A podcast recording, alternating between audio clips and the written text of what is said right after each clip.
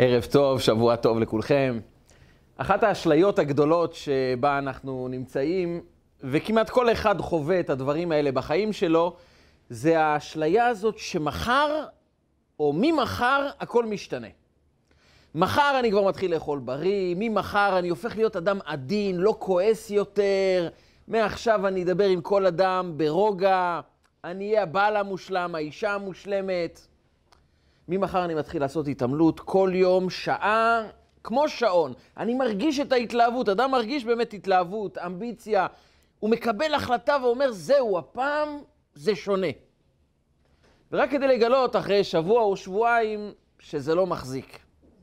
ואז אדם אומר לעצמו, אין לי אישיות, אני לא יודע להחליט, אין לי מילה, כשאני מקבל החלטות זה לא מחזיק, זה משהו כנראה בגנים שלא עובד אצלי. אבל האמת היא שונה לגמרי. האמת היא ששינויים צריך לעשות בחיים, אבל צריך לעשות אותם נכון.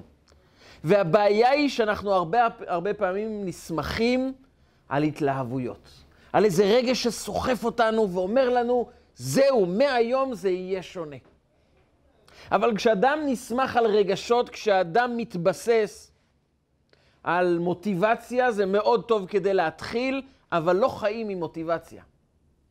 לא חיים עם רגשות ועם התלהבויות. כי התלהבות זה משאב מאוד מאוד חשוב, זה נכס כדי להתחיל תהליכים, אבל מי שנסמך על ההתלהבות, על האמביציה, אז הוא נסמך על משהו שהוא מאוד משתנה. כי היום יש לי הרבה אמביציה, היום יש לי הרבה התלהבות, היום יש לי המון חשק, אבל בעוד שבוע אדם יהיה עייף, רעב, שוטר נתן לו דוח, אשתו עצבנה אותו, בעבודה לא מסתדר, אדם חוזר הביתה מרוסק. כמה יש לו אמביציה וכוח עכשיו להמשיך להשקיע בהחלטה שהוא קיבל? היום אין לו אנרגיה, אין לו התלהבות. אז הוא אומר, אז היום לא. והיום הזה מצטרף לעוד יום, ובסופו של דבר ההחלטות שאנחנו מקבלים, אנחנו לא מצליחים להתמיד בהן. והשאלה היא איך אנחנו משנים את ההרגלים שאנחנו כל כך רוצים לשנות. ובדיוק בשביל זה בא חג השבועות, שאפשר להגדיר אותו כחג מתן תורה שמלמד אותנו לשנות הרגלים. אולי זה המסר הגדול של עשרת הדיברות. תזכרו שאתם יכולים לשנות את ההרגלים שלכם. לזכור שאנחנו באמת יכולים לשנות את המקום שבו אנחנו חיים, אבל צריך לזכור דבר אחד. אנחנו חייבים להיכנס לתהליך אמיתי כדי ליצור שינוי. כי התלהבות, התלהבות היא מאוד טובה, היא נותנת לנו איזה מבט כזה שהנה הכל ישתנה והכל יהיה טוב, ואני אהיה אדם שונה, והכל ייראה אחרת. ואז אדם כל כך מתלהב מזה שזהו, הוא הולך לאכול בריא, והוא הולך להתנהג כמו שצריך, והוא לא הולך לכעוס יותר, שהוא מרגיע את המצפון שלו עם החלומות שלו. הוא פתאום כל כך מתלהב שהוא כבר מרגיש ביעד. ואז הוא מאבד את ההתמקדות וההשקעה בתהליך. יש אנשים שכל כך מתלהבים מזה שזהו, הם הולכים לאכול בריא, שהם הולכים לחגוג את ההחלטה החדשה עם עוגת גבינה. הם הולכים, מרוב התלהבות, הם מרגישים, טוב, מגיע לי ליהנות מאיזו ארוחה טובה, כי מחר זהו, אני מתחיל תהליך אחר. אבל האמת היא אחרת.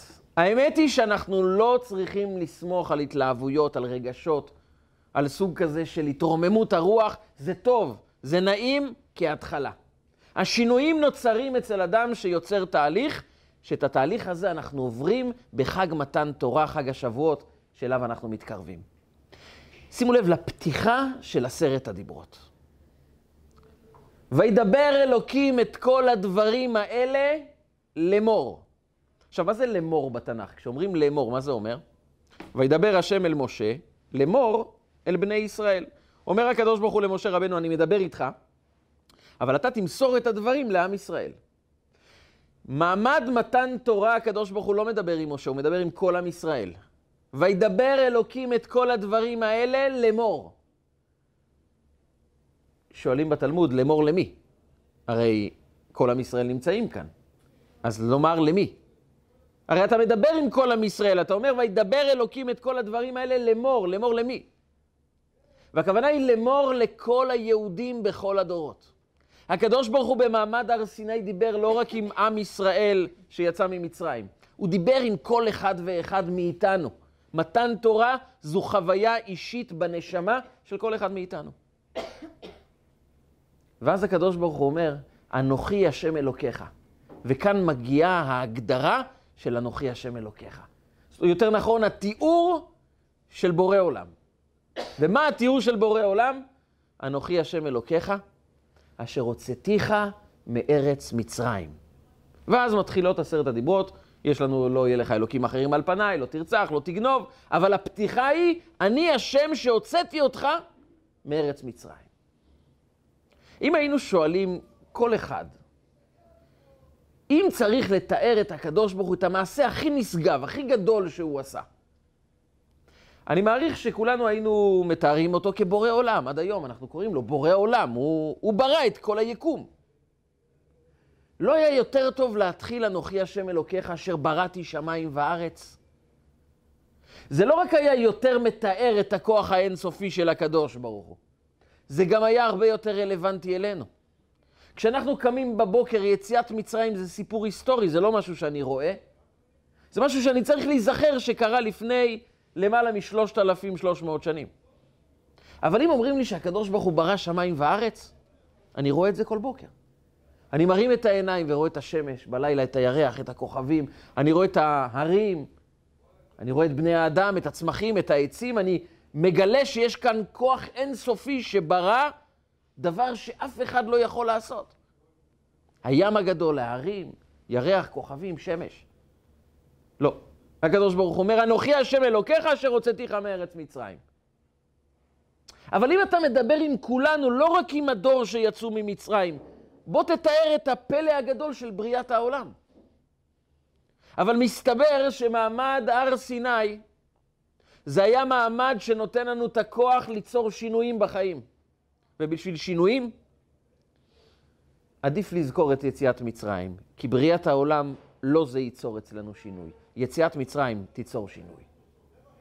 אומר הקדוש ברוך הוא, תראו, כל אדם שיצא ממצרים חווה גבול, חווה הגבלה. יהודים, אם נחזור אחורה למצרים, היו במצרים וידעו מפה לא יוצאים. הגבולות היו שמורים כל כך שעבד לא יכל לברוח ממצרים. זה סגור לגמרי. זה מסך הברזל הקדום. לא יוצאים ממצרים. לכן, אגב, מצרים מסתיימת עם האות מ' סופית, סגורה הרמטית. לא יוצאים מפה. ויותר מהעובדה שסבלנו במצרים, האסון הגדול היה העובדה שהתייאשנו. אמרנו, זהו, אנחנו פה, לצאת אי אפשר, נגזר עלינו להיות עבדים, אנחנו ובנינו עד סוף כל הדורות. ייאוש. זהו, אני בגבול הזה, אני לא יוצא מפה. אי אפשר לצאת מהמקום הזה. כמה פעמים, כמה אנשים מרגישים בחיים שלהם, זהו, זה סוגר עליי מכל כיוון, אני לא יכול לצאת מכאן. ואנוכי השם אלוקיך אשר הוצאתיך מארץ מצרים. דע לך מכל גבול ניתן לצאת. נכון, בראתי את העולם, אבל אתם יודעים, לברוא את העולם זה לברוא יש מאין. לא היה כלום. לא הייתה התנגדות, פשוט לא היה כלום. וליצור משהו כשאין כלום זה יותר קל מאשר לשנות את הגבולות שיש לנו בחיים. יש לנו סוגי מכשולים, הרגלים, הגבלות, שאומרים לנו בעצם, פה אתה נמצא, לא תשתנה. מה עכשיו בגיל שלך תשתנה? זהו, התרגלת, ככה החיים שלך, אתה תישאר כאן. ואומר הקדוש ברוך הוא, יציאת מצרים זה מסר לכל אחד מאיתנו. ניתן לצאת מכל גבול. אני בראתי את העולם עם הגדרות, עם הגבלות, עם חוקי טבע.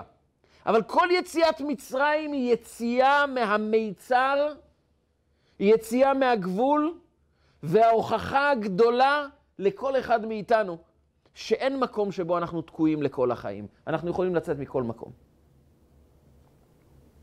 היה פעם קבוצה של נשים שנסעו לרבי מלובביץ', ובדרך הם נתקעו בשדה תעופה עם סופת שלגים ולא יכלו להמשיך בנסיעה אל הרבי, והם התקשרו למזכירות כדי לדווח לרבי מלובביץ' שהם תקועים כאן בשדה התעופה. המזכיר חזר אליהם עם תשובה, הוא אומר, הרבי שאל, מה זה תקועים? אמרו לו, מה זה מה זה תקועים? תקועים, הכוונה, אין מטוסים, סופת שלגים, אנחנו פה בשדה התעופה, תקועים. הוא חזר אליהם עוד פעם, הוא שאל, מה זה תקועים? יהודי לא תקוע בחיים. יהודי במקום שהוא נמצא, הוא יכול ליצור הכי טוב שאפשר. יש לכם שליחות, אנחנו לא נתקעים בחיים. יש לנו תפקיד, יש לנו יעד, יש לנו מה לעשות. להיות תקוע זה לומר, המציאות יותר חזקה ממני. אבל יהודי יודע אנוכי השם אלוקיך אשר הוצאתיך מארץ מצרים, במקום שבו אתה נמצא, אתה יכול לצאת מההגבלה, אתה יכול ליצור דבר חדש, אתה יכול לעשות משהו גדול יותר מהמסגרת שנראית בצורה חיצונית. וכאן אומר הקדוש ברוך הוא, זה יריית הפתיחה, זו ההתחלה של מתן תורה. כי בואו נחדור רגע אחד לרעיון העמוק של מתן תורה. משהו כאן מוזר לחלוטין, משהו כאן מיותר לגמרי.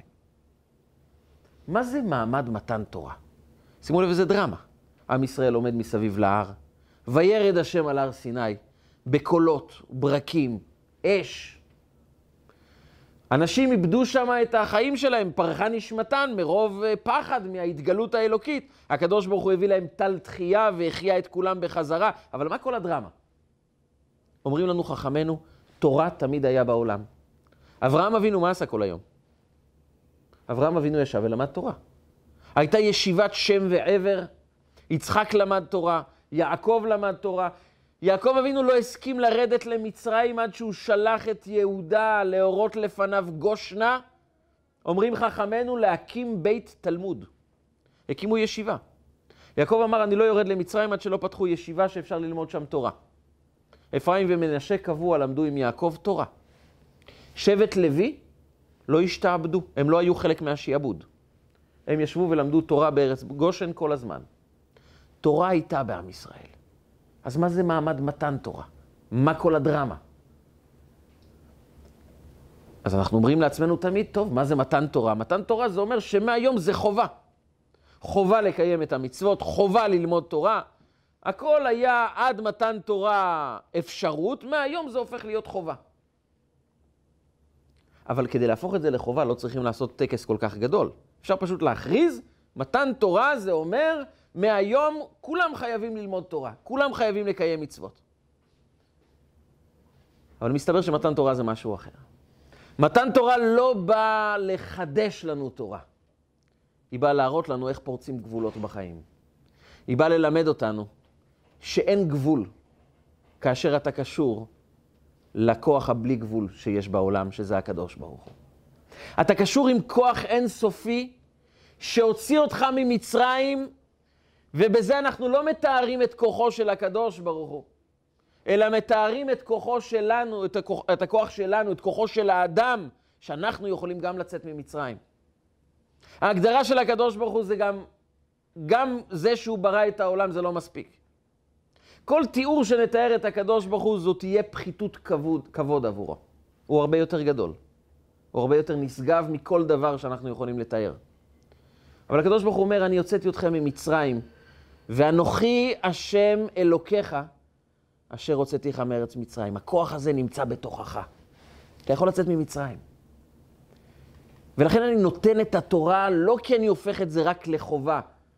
זה לא איזה תאריך השישי לסיוון, התורה הופכת להיות חובה, מהיום חובה לחגור חגורת בטיחות, אנחנו חייבים לקיים תורה ומצוות. לא, מהיום יש שינוי. מהיום הגבולות נפרצים.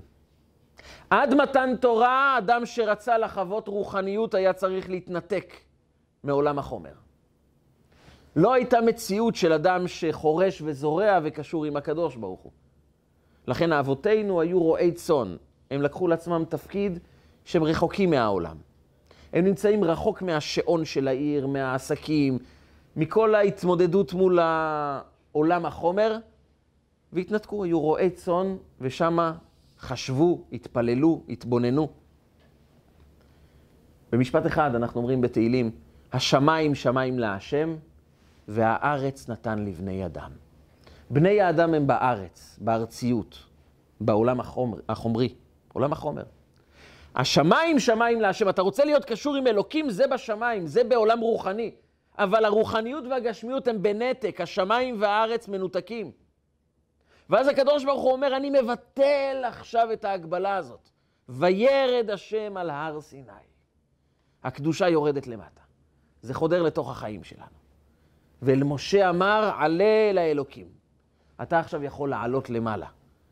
כי כל אדם יכול להיות רוחני, והרוחניות לא מנותקת מהגשמיות. המחיצה הזאת, ההגבלה הזאת, נפרצה.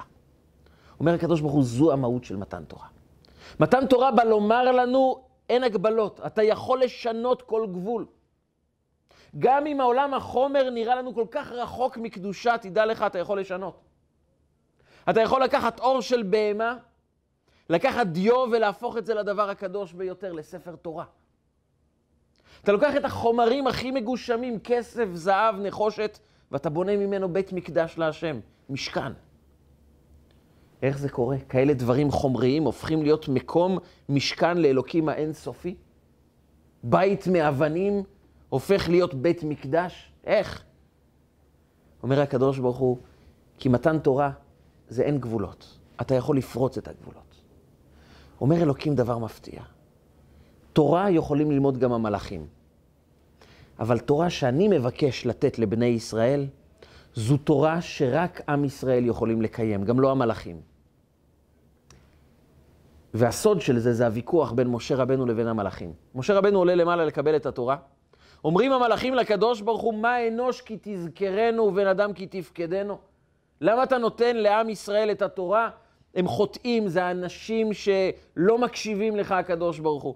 אתה תראה כמה פעמים הם יחטאו, כמה פעמים הם יאכזבו אותך. תן לנו, המלאכים.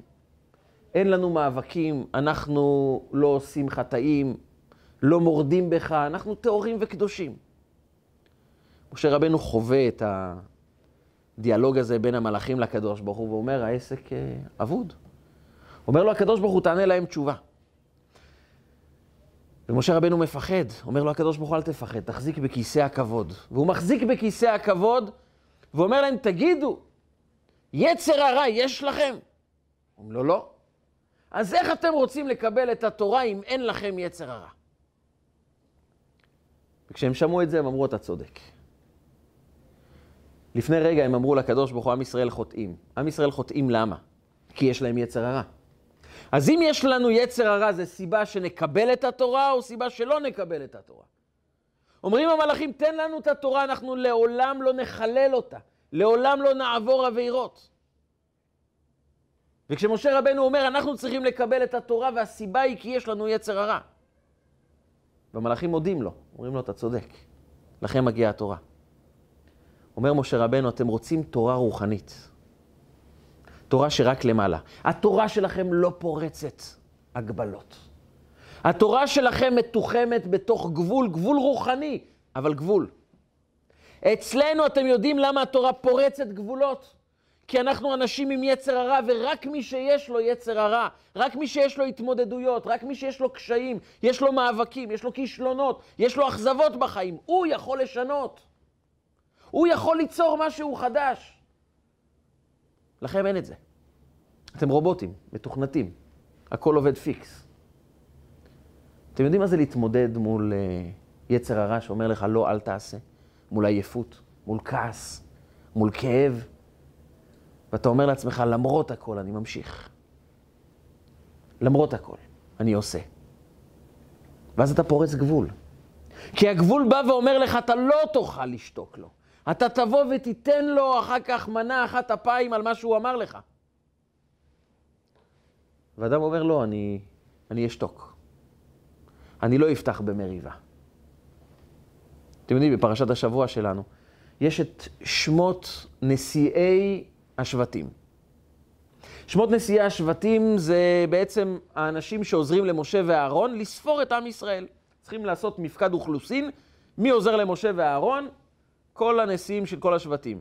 ואז מונים את כל השמות של כולם. כשמגיעים לגד, שבט גד, איך קוראים לנשיא של שבט גד? אליסף בן דעואל. זה השם שלו. בהמשך הפרשה, השם שלו משתנה. קוראים לו אליסף בן רעואל. השם משתנה. השם הפך להיות משהו חדש. לא דעואל, רעואל. שואלים רבותינו למה שינוי השם, למה הוא הלך למשרד הפנים, שינה את השם, למה, מה לא טוב בשם הזה? מספרים על אחד שקראו לו, היה לו שם מצחיק, אז הוא הגיע למשרד הפנים, הוא רצה לשנות את השם שלו. אז הפקיד אומר לו, למה אתה רוצה לשנות את השם? הוא אומר, כולם צוחקים עליי, יש לי שם מוזר. מה השם שלך? הוא אומר, יהושפט טיפש. אז הוא גם התחיל לצחוק ככה, אז הוא אומר לו, טוב, נו, אז למה אתה רוצה לשנות את זה? הוא אומר, תשמע, חשבתי על שם יותר פשוט, יצחק טיפש. הוא מבצע שינוי, אבל לא את השינוי שצריך. מה קרה לשינוי הזה של דעואל וראואל? למה הוא שינה את זה? מספרים חכמינו ככה. אליסף בן דאואל הוא היה נשיא שבט גד. גד היה הבן הבכור של זלפה. כידוע ליעקב אבינו היו ארבע נשים, רחל ולאה, בלעה וזלפה. ללאה היו שישה בנים, הבן הראשון זה היה ראובן, לרחל היו שתי בנים, יוסף ובנימין, לבלהה היה את דן שהיה הבן הבכור שלה, ולזלפה היה בן בכור קראו לו גד. זאת אומרת, הבכורים הם ראובן ללאה, יש את יוסף לרחל, יש את דן לבלהה, ויש לזלפה את גד. יום אחד הקדוש ברוך הוא החליט שבעם ישראל, שיש 12 שבטים, הם התחלקו לארבע מחנות. בכל מחנה, שלושה שבטים. ויש נשיא לכל מחנה. והקדוש ברוך הוא קבע כך, במחנה אחד יהיה הנשיא ראובן. ראובן זה הבכור של לאה, מסתדר. יש מקום אחר שיש נשיא יהודה. טוב, זה בן אחר של לאה. עוד מחנה אחד, המחנה השלישי יהיה נשיא אפרים, צאצאי רחל, ודן, נשיא השבט הרביעי, נשיא המחנה הרביעי, דן. זה הבן הבכור של בלהה. נשאר בן בכור אחד שלא קיבל תפקיד, זה גד. ומה עושה אדם שמרגיש שיש עוולה, שיש חוסר הגינות, שמחלקים את התפקידים פה בצורה לא הגונה?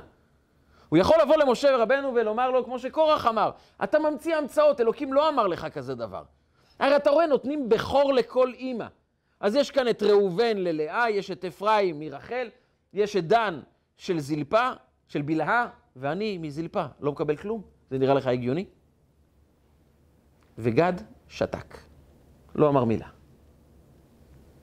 ואז השם שלו השתנה לראואל. למה ראואל? את זה אנחנו נראה בסוף ספר התורה. כשמשה רבנו מברך את כל השבטים, אז הוא אומר שבנחלה של גד, גד נחל נחלה בעבר הירדן. ושם נאמר, כי שם חלקת מחוקק ספון. בחלק של גד, מי נקבר שם? חלקת מחוקק ספון. מי זה המחוקק של עם ישראל? זה משה רבנו. אף אחד לא יודע את מקום קבורתו, אבל יש לנו מידע אחד. הוא קבור בחלקו של גד. גד זכה, שהנביא הגדול ביותר, מי שנתן את התורה, מי שעליו נאמר איש האלוקים, קבור בחלקו של גד. גד לא ידעו את הקבר, אבל הם ידעו שהוא הכי קרוב בעולם אליהם. לכן השתנה השם לרעואל, רע לקדוש ברוך הוא, לשכינה, כי איש האלוקים קבור לידם. הוא שתק והוא זכה למשהו יותר גדול. אבל הכוח לשתוק זה כוח שדורש מאיתנו להתמודד מול הגבלה. כי אולי הדבר הקשה ביותר זה לשתוק כשפוגעים בך. לדבר צריך, אבל לדעת, צריך לדעת מתי, איך לדבר, הזמן, המקום, הצורה הנכונה. אבל הטבע שלנו זה מיד לא לשתוק. ככה פגעו בי, אני הולך ואני אומר את הדברים וצועק, ולא מעניין אותי מה אנשים יחשבו. וכשאדם עוצר את עצמו, אדם מתמודד מול הגבלה. אמר משה רבנו למלאכים, יש לכם יצר הרע. אתם יודעים מה זה להתמודד מול גבול, מול יצר הרע? ואנחנו שוברים הרגלים, כי אנחנו קיבלנו את התורה, והתורה מלמדת אותנו לשבור גבולות. לשבור גבולות במובן החיובי שאין דבר שיכול למנוע ממך מלהתקדם. אם יש קדושה בעולם, זה לא יישאר למעלה, זה תמיד ירד למטה. מתן תורה. זה הטקס הגדול של מתן תורה. נגמרו הגבולות. אתה יכול להביא את הטוב שבך לכל מקום. קדושה גם יורדת לעולם כעת. הדבר הראשון שיהודי רוצה ליצור שינוי הרגלים זה קודם כל לדעת שזו שליחות חיינו. שליחות חיינו זה בא לידי ביטוי בשינוי ההרגלים. כשאני חי רק עם הטוב שקיבלתי מלמעלה, ואני רק רוצה חיים נוחים, אני בעצם מבקש לא לחיות. כי חיים זה דבר דינמי, זה דבר שאני כל הזמן מתקדם, עוד צעד ועוד צעד, עוד הרגל שאני משנה והופך אותו ליותר טוב. עוד צעד שאני עושה כדי להתקדם ולהיות יותר קרוב לקדושה, אדם יותר הגון ויותר טוב. כשאדם יודע שזה תפקידו, הוא מתחיל למקד את הכוחות שלו לכיוון השינוי. הדבר הראשון זה קודם כל אנוכי השם אלוקיך, אשר הוצאתיך מארץ מצרים. זה אפשרי לשנות.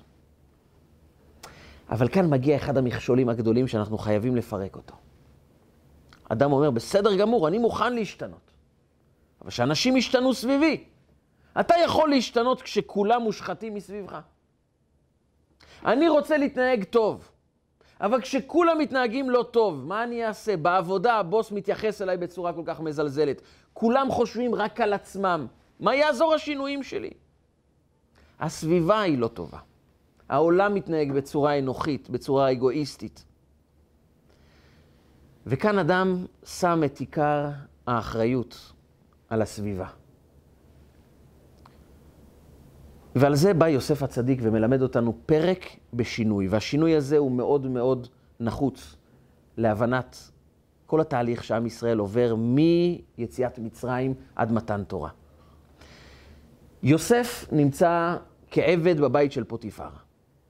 האחים זרקו אותו לבור, כמעט הוא מת שם, מכרו אותו לישמעאלים, הוא נמכר למצרים, עכשיו הוא עבד אצל פוטיפר. ואשת פוטיפר קמה יום-יום ומנסה להחטיא אותו.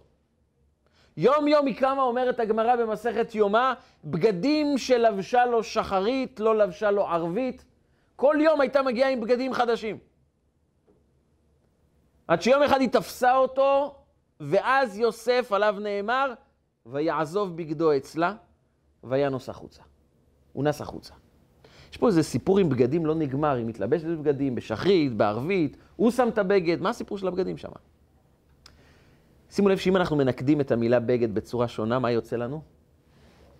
בוגד, בגידה. בגד במובן מסוים הוא בוגד באישיות של האדם אם אנחנו לא מנצלים את הבגדים בצורה נכונה. אם אדם שם את הבגד ואומר, זה מי שאני, אז הוא בוגד באישיות שלו. והיא לבשה בגדים בשחרית ובגדים בערבית, היא אמרה לו, יוסף, עזוב, אתה יודע מי אתה? אתה זה הילד שכולם שונאים. שזרקו אותו לבור, זה מי שאתה. אתה לא שם לב שבגיל 17 אף אחד לא אוהב אותך? אז תעשה מה בא לך. מה הערכים? תראה איך החיים שלך נראים. יש פה ערך אחד, יש כאן הגינות. תחטא. מה אתה חושב, שאתה כזה צדיק? אתה לא כזה צדיק. אתה גם חוטא, אתה גם כמו כל המצרים. הנה אלוקים לקח לך את האימא, האחים זרקו אותך לבור, אתה סתם עבד במצרים. תחטא, תעזוב את הכל. על איזה ערכים אתה מדבר? זה סתם שטויות, זה לא מי שאתה, אתה זה מישהו אחר. היא באה ומנסה להלביש אותו בבגדים. הבגדים זה נסיבות החיים שלנו. אנחנו חיים בתוך בגד כי כל אדם מגיע לעולם עם נסיבות חיים שלא תמיד הוא הזמין אותם. לא תמיד מה שמתרחש בחיים שלנו, אנחנו היינו מעוניינים בזה. אבל הצרה היא לא הנסיבות של החיים, הצרה היא מה אנחנו עושים עם הנסיבות. והטרגדיה הגדולה זה אדם אומר לעצמו, ככה נראים החיים. כנראה שממצרים אני לא אצא. זה מי שאני. אני לא אצא מכאן. ואז הוא לוקח את הבגד והופך את זה לבוגד. הוא הופך את זה למי שהוא באמת. הוא מתחיל לייחס את הנסיבות אליו עצמו. נכשלתי במבחן, אני כישלון. לא אוהבים אותי, אני לא אדם שראוי לאהבה. רגע, למה אתה לא ראוי לאהבה? האנשים מחליטים עבורך מי אתה. יוסף הצדיק נמצא באמצע מצרים. הוא זרוק שמה כי כל האחים שנאו אותו, זה כל העולם מבחינתו. וגם במצרים הוא עבד. וגם כשהוא מתנהג בהגינות ולא מוכן להקשיב לאשת פוטיפר, הוא נזרק לכלא, אף אחד לא מאמין לו גם. אבל הוא אומר דבר אחד, ויעזוב בגדו אצלה וינוס החוצה. הוא אומר, אני זה לא הבגד. אני זה לא החיצוניות. אני זה לא נסיבות החיים. אני זה לא מה קורה לי. אני יודע מי אני בפנים, ומה קורה מסביב לעולם לא מגדיר אותי. זה רק נותן לי יותר אתגר לגלות מי אני. זה לוקח זמן. אז שזה ייקח כמה זמן שצריך לקחת. אני לא מאבד את הזהות שלי. ויעזוב בגדו אצלה, אמרי, הוא אמר לה, קחי את הבגד, קחי את כל הבגידה הזאת, קחי את כל נסיבות החיים, תשמרי אצלך. אותי לא העולם מנהל. בי יש אמת, שיום אחד תפרוץ החוצה. ויעזוב בגדו אצלו, אצלה, וינוס החוצה. שנים מאוחר יותר, עם ישראל יצאו ממצרים, עומדים מול ים סוף, וים סוף לא נבקע, ועם ישראל מתפללים, זועקים לים, אתה צריך להיבקע, אתה צריך לבקוע את עצמך כדי שנעבור, והים אומר, יש גבולות בחיים, יש הגבלות, אני נבראתי כים, אני לא יכול להיפתח, זה נגד הטבע שלי. ואז אנחנו אומרים בהלל כל חודש, בכל חג. את הפסוק מתהילים, הים ראה וינוס. מה הוא ראה? אומר המדרש, ראה ארונו של יוסף. הוא ראה שיש מושג של הסרת ההגבלות. יש מושג שאומר, הטבע לא מגביל אותי. יש אמת שיכולה לפרוץ החוצה. הים ראה וינוס. הוא הבין שיוסף בעצם, כשהוא היה לבד, יכל לחטוא ואף אחד לא רואה אותו, אבל הוא בחר להתמקד במי שהוא ולא להתייחס למסביב. הוא גרם לעם שלם שיוכלו לחצות את ים סוף וללכת לקבל את התורה. הוא לא ידע כשהוא היה קטן בבית לבד, הוא לא ידע שהוא מבצע מעשה שיציל עם שלם, שיוכיח לעם שלם, אתם יכולים לבקוע את הים, אתם יכולים להסיר כל הגבלה מהחיים. אין באמת דבר שמגביל אתכם. רק תקבלו יעד אמיתי, אנחנו מתקרבים להר סיני.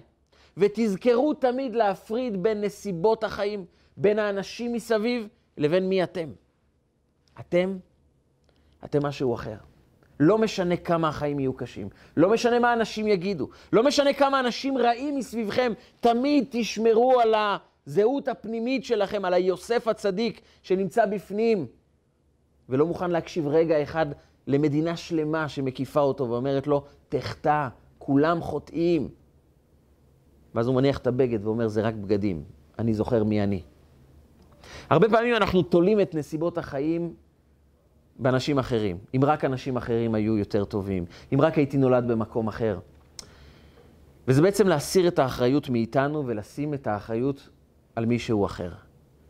ובעצם חג השבועות זה לזכור, עברנו תהליך של לקיחת אחריות. נחשון בן עמינדב קופץ לים. אנחנו ניגשים מול הר סיני ואנחנו מבינים, לצאת ממצרים זה התפקיד האישי שלנו. אנחנו יוצאים ממצרים. והסיפור הזה של מתן תורה הוא סיפור של שינוי, ואתם יודעים, זה גם בא לידי ביטוי אפילו בעוגת גבינה שאנחנו אוכלים בחג השבועות. הרי חוץ מהעובדה שכל חברות החלב עושים קופה מאוד יפה בחג השבועות, יש לזה סיבה למה אנחנו אוכלים מאכלי חלב. החלב זה שינוי. אומרת הגמרא שהחלב נוצר מהדם שעובר תהליך שהופך להיות חלב. דם נעקר ונעשה חלב, כך אומרת הגמרא. בעצם החלקים בגוף שאחראים על ייצור הדם, בשלב מסוים עוברים לייצר חלב. החלב הוא בעצם המהפך מדם לחלב. אם דם זה אחד האיסורים החמורים ביותר שיש בתורה, התורה חזרה על זה כמה פעמים, לא לאכול דם. דם גם יש לו את הצבע האדום שמרמז על הגבורה, על הדינים, על הקושי. וזה הופך לחלב, שחלב הופך להיות כשר. חלב הוא בצבע לבן שמרמז על החסדים. החלב הוא בעצם סוד המהפך. דם יכול להפוך להיות חלב. ואנחנו אוכלים את זה בחג השבועות כדי להבין שאנחנו יכולים להשתנות. אנחנו יכולים להפוך את עצמנו. אנחנו יכולים להתנהג בצורה טובה יותר, אבל אנחנו צריכים לשמור על תהליך. התהליך מתחיל קודם כל ביעד. לפני שהקדוש ברוך הוא מוציא את עם ישראל ממצרים, הוא אומר למשה רבנו, תגיד להם, בהוציאך את העם ממצרים תעבדון את האלוקים על ההר הזה. לא סתם יוצאים מהגבלות. לא סתם אומרים, אנחנו רוצים חיים חדשים, חיים יותר טובים, התנהגות יותר טובה. יעד. יעד ברור. כי הרבה פעמים אדם קובע לעצמו יעד, אבל היעד זה לא בדיוק מה שהוא צריך. הוא מחפש משהו אחר אולי. הוא צריך להגדיר לעצמו טוב טוב מה הוא מחפש. הוא מחפש שאנשים בעבודה יתנהגו הרבה יותר טוב, שידברו אליו יפה. הוא צריך אולי ביטחון עצמי? אולי תעבוד על הביטחון עצמי? מה היעד האמיתי? היעד האמיתי זה לגרום לכולם לכבד אותך, או היעד האמיתי שאתה תכבד את עצמך? מה היעד האמיתי? וכשאדם קובע לעצמו יעד, הוא מקבל כוח, התמקדות, בלהתקדם לעבר היעד. בהוציאך את העם ממצרים תעבדון את האלוקים על ההר הזה. בואו להר סיני, תתמקדו ביעד. מה תצעק אליי, אומר הקדוש ברוך הוא למשה רבנו. דבר אל בני ישראל וייסעו, תראו את היעד ותצעדו. אל תתווכחו עם מצרים, אל תילחמו בהם, אל תנסו ל- לחזור להיות עבדים. תיקחו את היעד, תתמקדו בו ופשוט תלכו קדימה. וכשלאדם יש יעד, הוא צריך לזכור, זו אחריות שלי, יש לי את הכוחות. הקדוש ברוך הוא אמר לנו, אנוכי השם אלוקיך אשר הוצאתיך מארץ מצרים, לא כדי לתאר כמה הוא גדול, כדי לתאר כמה אנחנו יכולים להיות גדולים, כמה אנחנו יכולים לצאת כל רגע מהמצרים הפרטית שלנו. וכשאני יודע שיש לי אפשרות לצאת ממצרים, אני מפסיק להאשים את כל העולם. אני מפסיק להתלונן. אני מפסיק לומר לעצמי שרק אם העולם היה אחרת אני הייתי שונה, ואני מבין שככל שאני אתמקד ביעדים שלי, בתפקיד שלי, אני אוכל להתקרב יותר אל היעד. וכאן מגיעה ספירת העומר. ספירת העומר בעצם באה לומר, מעשים קטנים יוצרים שינוי גדול. הבעיה הגדולה שלנו זה כאשר אנחנו מחליטים שמשהו צריך להשתנות, אנחנו מבצעים שינוי ענק. אנחנו מחליטים ששינויים קטנים זה לא יעזור. אנחנו פשוט הופכים מהיום למחר את כל המטבח ועוברים לאכול רק דברים בריאים לגמרי. ואז יש חתונה ויש אוכל אחר, ומה, לא תאכל, תשב עם כולם, לא תאכל. ואם אכלת שמה, תחזור הביתה, לא תאכל משהו אחר. הנפש לא מוכנה לקבל שינויים גדולים. היא רואה בזה איום על עצמה. וכאשר אנחנו מבצעים דברים גדולים והנפש מתנגדת, הנפש לא חובה לאט-לאט שההרגל החדש חודר בתוכה. יש רק דרך אחת לשנות את ההרגלים. זה להכיר את היעד טוב ולשאול את עצמנו איך אנחנו מחלקים את זה ליעדים קטנים. איך אנחנו הופכים את זה להתקדמות איטית, קטנה, אבל קבועה בכל יום. משהו שיכולים לעמוד בזה בכל יום. היה אחד מרבני חב"ד שדיבר עם התלמידים שלו בישיבה.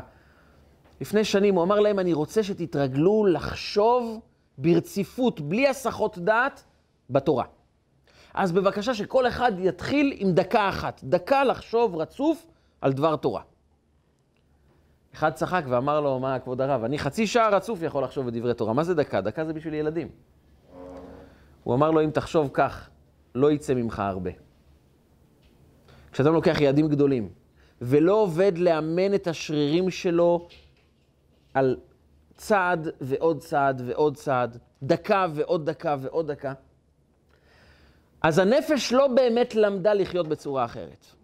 לנפש יש צורה איך היא מקבלת הרגלים חדשים. זה פשוט שהיא מתרגלת כל יום לעשות את אותו דבר, גם אם זה במנות קטנות. אבל הסוד של הפעולות הקטנות יוצרות שינוי גדול, כי אז הנפש מתרגלת. פעולות גדולות שהנפש לא מתחברת אליהן, אנחנו יכולים לסחוב שבוע, שבועיים, זה לא הופך לחלק מאיתנו, זה מדי גבוה. הנפש מבינה מעשה ועוד מעשה ועוד מעשה, עוד פעולה ועוד פעולה ועוד פעולה. שזה בעצם, במילים אחרות, הסיבה שהביאה את רבי עקיבא ללמוד תורה. מה הוא ראה? כולנו מכירים את המדרש. הוא הלך וראה בקצה הדרך אבן חלולה. והוא שאל את העוברים ושבים, איך נהיה, נהייתה אבן עם חור כל כך עמוק? מי קדח שמה? אמרו לו המים, הוא אמר להם, זה לא שייך, מים זה חלש. איך נהיה חור?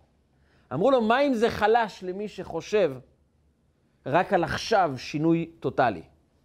עכשיו אני רוצה שהכל ישתנה. אבל מי שמבין שטיפה ועוד טיפה ועוד טיפה יוצרים שינוי, אז גם מים שוחקים את האבן. רבי עקיבא, כדי ללמוד תורה, צריך לעשות שינוי דרסטי. הוא לא גדל בבית תורני, שהוא למד א', ב', ולמד גמרא, ולמד משנה. הוא לא למד כלום, הוא לא יודע גם לקרוא. כדי שממנו יצא תלמיד חכם, צריך לעשות שינוי טוטאלי בכל החיים. צריך נס. אבל רבי עקיבא הבין שהוא לא סומך על נס, הוא לא סומך על שינויים גדולים. הוא הבין שיש כוח לפעולות הקטנות של כל יום ויום. עוד טיפה ועוד טיפה ועוד טיפה. זה מאמץ. זה לא קל. אבל אם אני מחלק את זה לטיפות, זה הופך להיות אפשרי. כי אני לא צריך להילחם מול עצמי, אני פשוט מבקש מעצמי טיפה יותר, קצת יותר. זה הסוד של ההצלחה, זה סוד השינויים. שאדם אומר לעצמו, אני רוצה להצ... ליצור לעצמי יעד חדש, הרגלים חדשים, מה החלוקה הקטנה שאני יכול לעשות? ועוד טיפה ועוד טיפה ועוד טיפה זה שוחק אבן. ורבי עקיבא 24 שנים ישב ולמד תורה. והיו לו המון המון משברים, אבל הוא אמר, דבר אחד אני לא מפסיק. כל יום טיפה נוספת. ובסופו של דבר הוא הפך לרבי עקיבא. כי רבי עקיבא הוא לא רק רב גדול, הוא המעביר של המסורת לדור הבא. רבי עקיבא נאמר עליו שכל תורה שבעל פה אליבא דרבי עקיבא, לפי רבי עקיבא. כשמשה רבנו ראה אותו בנבואה, הוא אמר למשה משה רבנו אמר לקדוש ברוך הוא, למה אתה נותן את התורה לי? תן את זה לרבי עקיבא. הוא הרבה יותר עוצמתי, הוא הרבה יותר חזק, תראה לאיפה הוא הגיע. דורש דרשות שאפילו משה רבנו לא הבין. כי זה כוחה של התמדה בפעולות קטנות, כל יום קצת יותר. יש בתוכנו איזו מחשבה שאולי אם נשנה בגדול, אז החיים שלנו ייראו אחרת. זה רצון לראות תוצאות כאן ועכשיו, מיד לשנות את הכל. אבל האמת היא שזה תהליך. האמת היא שכל יום דורשים מאיתנו קצת יותר. שמעתי על רב גדול, כשהוא היה צעיר הוא נכנס לרבי מלובביץ'. כבר בתור צעיר הוא היה אדם מאוד רציני, תלמיד חכם גדול. אדם שכשהוא מגיע להחלטה, הוא מממש את ההחלטה הזאת. והוא אחרי חודש שלם, כשהוא היה במחיצתו של הרבי מלובביץ', הוא קיבל כל כך הרבה כוחות רוחניים, הוא החליט לקבל על עצמו 18 החלטות חדשות. הוא כתב את זה על פתק ונכנס לרבי מלובביץ'. ואמר לו, רבי, אני קיבלתי 18 החלטות חדשות, אני רוצה ברכה. הרבי מלובביץ' הסתכל עליו ואמר לו, אני חושב שכדאי להישאר עם שתיים. תתחיל עם שתיים. תעמוד בזה אבל כל יום. החלטות גדולות לא יוצרים שינוי אמיתי. זה פשוט לתפוס את הנפש ולומר לה, כל יום יהיה מעשה אחד יותר טוב. יהיה התרכזות יותר בתפילה. כל יום יהיה לימוד נוסף. וכמו שרירים שמתאמנים יום אחרי יום אחרי יום, נוצר אצל האדם הגרעין שממנו יכול לנבוט הפרח ולצמוח העץ. כי כשאדם עושה עוד פעולה ועוד פעולה ועוד פעולה, הוא חווה חוויה של הצלחה. של הנה זה הולך, הנה זה מסתדר, הנה זה מגיע ליעד. כשאדם מצליח להתמיד לאורך זמן בפעולות קטנות, אולי הפעולות הן קטנות, אבל השינוי הוא עצום בנפש של האדם. הוא אומר, הנה, אני מתחבר לזה. הנפש מקבלת גלים חדשים של הנה, זה מתחבר אליי. ואז אדם לא רק יש לו אמביציות, לא רק יש לו איזו מוטיבציה לעשות משהו, הוא חווה שהוא מצליח לשנות בקטן. אבל זה הסוד של הפעולות הקטנות, שיכולות ליצור שינוי כל כך גדול. בעצם מתן תורה בא ואומר לנו, אם אדם קובע לעצמו יעד ברור, אבל הוא באמת מברר לעצמו מה היעד שאליו אני רוצה להגיע, למה זה כל כך חשוב לי? אז הוא מתמקד ביעד והכוחות שלו מופנים אל היעד, ואז הוא מבין שהוא לא צריך לסמוך על אחרים, הוא צריך להתמקד בכוחות שלו. הוא צריך להתמקד באחריות האישית שיש לו, להתקדם כל יום פעולה קטנה נוספת, וזה ספירת העומר. יצאתם ממצרים? לא תקבלו את התורה מיד. כל יום עוד מידה קטנה, עוד יום נוסף, עוד ספירה אחת, עוד הערה קטנה. ואז נוצר פלא. כמה ימים אנחנו צריכים לספור בספירת העומר? כמה ימים עם ישראל סופר? אז אנחנו סופרים 49, ככה כל עם ישראל נוהג, אבל כשמסתכלים בתורה כתוב, תספרו 50 יום, ככה כתוב. עם ישראל תמיד מחפשים הנחה בסוף. כתוב 50 יום, עשו לעצמם הנחה, 49 ימים. למה? כתוב תספרו 50 יום. איך אנחנו סופרים רק 49 ימים? התשובה הפשוטה היא, אם ספרת 49, 50 נספר לבד, אתה לא צריך לספור אותו. הרי יש במסגרת רק 50. ספרת 49, 50 הוא ספור לבד. החסידות אומרת שיש כאן עומק. את שער החמישים אנחנו לא יכולים להשיג לבד, זו מתנה מלמעלה. אפילו משה רבנו כשהוא נפטר, הוא לא היה עדיין בדרגת החמישים, רק כשנשמתו יצאה מהעולם, הוא הגיע להר נבו, זה נון בו. שער החמישים הוא קיבל בפטירה שלו. זה כוח רוחני מאוד גבוה שאנחנו לא יכולים להגיע אליו לבד. אבל יש משהו שאנחנו יכולים כן לעשות. זה לעשות את כל הדרך עד שער החמישים. וכשאדם מתקדם יום-יום, הוא אומר לעצמו, אבל לשער החמישים אני לא אגיע, זה גבוה, זה נשגב. אפילו משה רבנו לא מגיע למקומות האלה. אז מה אני יכול לעשות? מה, להתקדם צעדים קטנים? אבל מתברר שכשאדם מוכן ללכת 49 צעדים, הקדוש ברוך הוא מוריד את שער החמישים אליו. זה גבוה הרבה יותר ממה שהוא יכל לעשות לבד. זה עובר לגמרי את כל היכולות שלו, את כל הרמה הרוחנית שלו, אבל הוא מקבל מתנה מלמעלה, כי יש מתנות שניתנות לאדם שעשה את המקסימום מצידו. וכשאדם עושה את המקסימום מצידו, הוא מקבל אור אלוקי שמעבר לכוחות שלו. זה הסוד של ספירת העומר.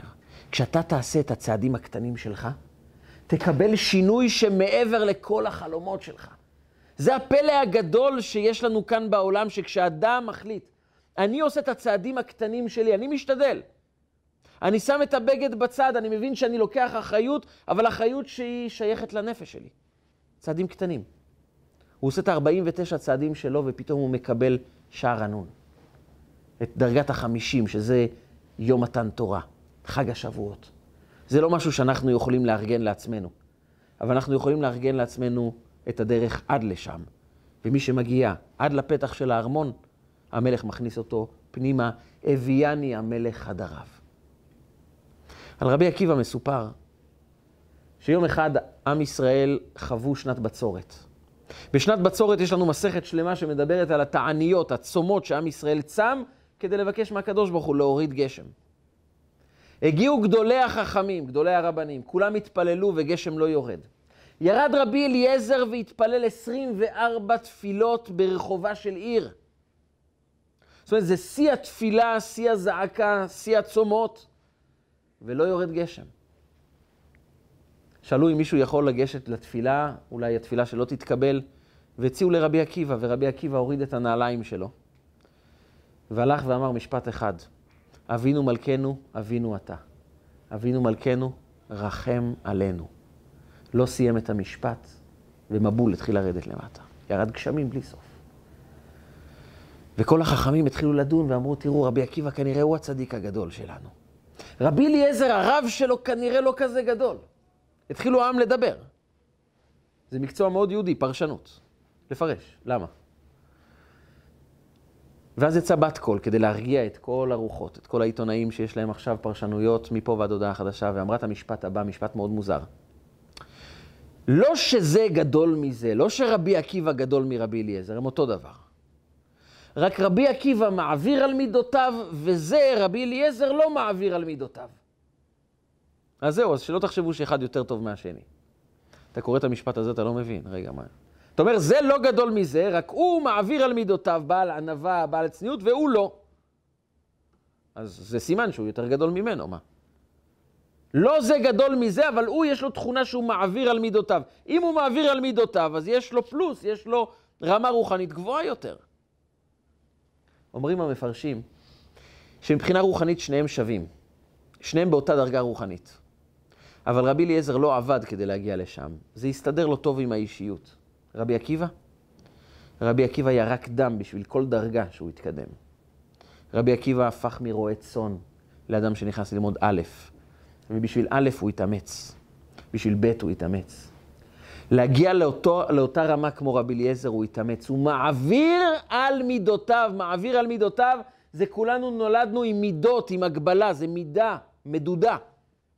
ורבי עקיבא תמיד הסתכל על המידה ואמר, אותה אני עובר. בטיפה, אבל אני עובר. ומחר, בעוד טיפה. ואחרי 24 שנים, הוא הופך להיות החכם הגדול של עם ישראל. כי הסוד של השינוי הוא סוד של שינויים קטנים, של ספירת העומר. ומי שסופר את העומר, זוכה לקבל את מעמד הר סיני. ואם יש אחת שמייצגת את זה, זו רות. רות שהייתה במקום כמו רבי עקיבא, הרחוק ביותר, מואביה. מואביה ברמה כזאת שאנשים אמרו, אסור לה להתגייר. כתוב בתורה, לא יבוא עמוני ומואבי בקהל השם. ואז דרשו חכמים, זה רק עמוני ומואבי, הזכרים, אבל הנשים יכולות להתגייר. אבל זה היה ויכוח. מה לך ולצרה הזו? תישארי במואב, בת של מלך. מה את מגיעה לעם שכל הזמן יגידו היא מואבייה, מי אמר שהיא יהודייה? את מגיעה בתור ענייה, אף אחד לא יסתכל עלייך. מה את רוצה? אבל היא אמרה, אני עושה את הצעדים שלי. אני ראיתי אמת, ראיתי יעד, ואני עושה את הצעדים שלי. כשהיא יצאה ממואב לכיוון ארץ ישראל, היא ידעה בדיוק מה מחכה לה. ביזיונות, עוני, השפלה. אבל היא ראתה יעד, אז היא התקדמה אליו. אנחנו לא אמורים להפוך את העולם. אנחנו לא אמורים לקבל חתימה מבורא עולם שהכל יסתדר. אנחנו אמורים לבצע את התפקיד שלנו. והיא לא הייתה מאמינה בחלומות הכי ורודים שלה, שהיא תהפוך להיות הסבתא של דוד המלך, שאין יום שלא קוראים תהילים כל יום. מדוד המלך יבוא משיח צדקנו. כי משיח מגיע מדוד, שמגיע מרות, שמה, שהיא הייתה בעצם אישה מאוד פשוטה. אבל אישה שאמרה, יש יעד ואני מתקדמת אליו. אני לא מאשימה אף אחד. אני לא אומרת אם, הש... אם הנתונים יהיו שונים והנסיבות יהיו אחרות, אז אני מוכנה לשקול את הצעדים שלי. לא, יש יעד והאחריות שלי להתקדם אליו. מה יהיה? זה כבר בידיו של ריבונו של עולם. אבל כמו שעם ישראל צעדו לעבר הר סיני, אני צועדת את הצעדים שלי אל עבר הר סיני הפרטי. ולכן בחג השבועות הקרוב כולנו נקרא מגילת רות כדי ללמוד. יש לנו אפשרות לשנות, יש לנו אפשרות להיות אחרת. אין גבול ליכולת שלנו, ובתנאי שיהיה לנו יעד ברור, שנדע לקחת אחריות, ושנשאל את עצמנו כל יום, מה הצעד הנוסף שאני עושה כדי להתקרב אל היעד? כאשר אנחנו בוחרים בצעד אחד קטן נוסף, לכיוון היעד, לכיוון האור. אנחנו זוכים שיתקיים בנו מה שהרמב"ם כתב בספר ההלכות שלו. לעולם יראה אדם עצמו כאילו כל העולם חציו זכאי וחציו חייב. וכשיש לך משקולת ששני הצדדים שווים, מספיק מעשה קטן אחד כדי להכריע את כל העולם כולו לקו זכות. מספיק מעשה אחד שיאמר, הנה, השלמת את הפסיק האחרון, את המעשה האחרון שנדרש כדי להפוך את העולם למקום טוב יותר. כי לפעמים צעד אחד קטן שלנו לכיוון האור יכול להביא את הצעד הגדול של משיח צדקנו, שיבוא להאיר את העולם באור של גאולה שלמה, שתבוא אלינו עם משיח צדקנו במהרה בימינו, אמן ואמן. רגע של חוכמה, רגעים קצרים ומשנה חיים. הצטרפו אלינו, הרשמו לערוצי רגע של חוכמה ביוטיוב, בפייסבוק, באינסטגרם ובוואטסאפ.